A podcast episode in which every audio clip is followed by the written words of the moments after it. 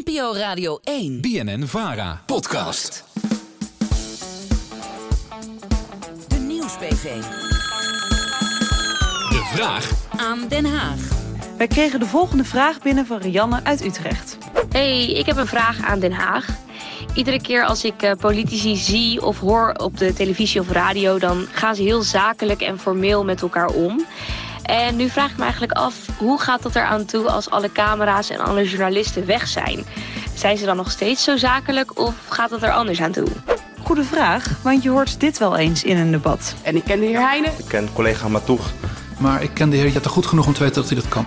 Maar kennen ze elkaar ook echt? Ik ga op zoek naar het antwoord en ondanks dat het een drukke dag is in Den Haag... is er toch een Kamerlid die mij tussen de bedrijven door te woord wil staan. Ik sta hier bij Don Zeder, Kamerlid voor de ChristenUnie. Hi, goedendag. Hoe zit dat achter de schermen? Ja, het is heel gek. Politici waar ik het op de inhoud fundamenteel mee oneens ben... die blijken achter de schermen gewoon hele toffe mensen te zijn. Dus dan merk je dat je elkaar vindt, eh, grapjes maakt. Eh, soms heb je wat van elkaar nodig via de apps, maar dan, ben je, ook- eh, dan is het een beetje grappen en grollen. Maar je hebt ook politici waar je het op de inhoud mee eens bent. Ja, maar die, die ook gewoon een beetje saai zijn. Zoals een normale werkomgeving bijna. Ja, dus u heeft niet alleen contact in de debatten of in de vergaderingen, maar ook daarbuiten met uw collega's. Zit u dan bijvoorbeeld in appgroepjes met woordvoerders van andere partijen? Of, of, hoe- of gaan jullie dan samen borrelen om dingen te overleggen? Of hoe formeel of informeel gaat dat? Nou, dat verschilt. Wij zitten sowieso in een aantal appgroepen als om onderwerpen gaat. Eh, maar af en toe kan er wel een grapje van, vanaf, dus dat merk je. Soms bereiden wij ook voor. Hè? Dus dan ga je een hapje eten met elkaar of, of je zit ergens met elkaar... maar je zorgt wel dat je een paar belangrijke punten met elkaar behandelt. Maar goed, dan mag het ook best gezellig zijn. Uiteindelijk zijn we ook allemaal eh, Kamerleden... die ook de eigen soortgelijke dynamiek en uitdagingen. Dus af en toe heb je daar ook over. Hè, hoe ga je om met social media gebruik of als, hè, als de pers iets schrijft. Dus je bent toch een soort van lotgenoten. Professioneel loopt dat niet door elkaar heen. Nou, ik merk dat als ik keihard moet, moet zijn omdat iets inhoudelijk eh, onzin is wat mij betreft.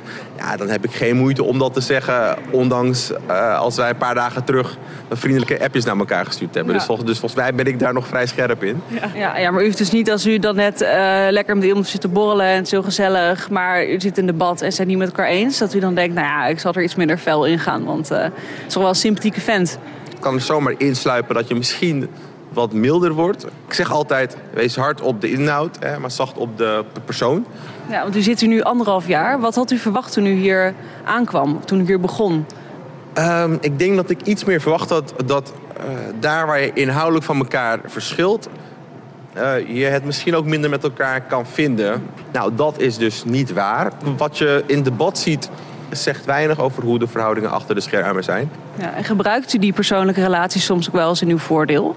Soms heb ik wel iemand van, joh, ik krijg toch wel jouw steun om, om dit op de agenda te krijgen. Maar er gaat met name om procedurele dingen om. Maar als iemand u een beetje een loer draait, vindt u het dan niet heel moeilijk om diegene objectief te woord te staan in een debat bijvoorbeeld? Voor mij is dat nog niet overkomen. Misschien andersom, dat je op de inhoud, nou toch wel iets wat je belangrijk vindt, dat dat niet lukt, dat je dan stemt. Ja, en daarna ja, is het misschien toch iets lastiger om daarna gezellig met elkaar hapje te gaan eten en doen alsof er niets aan de hand is.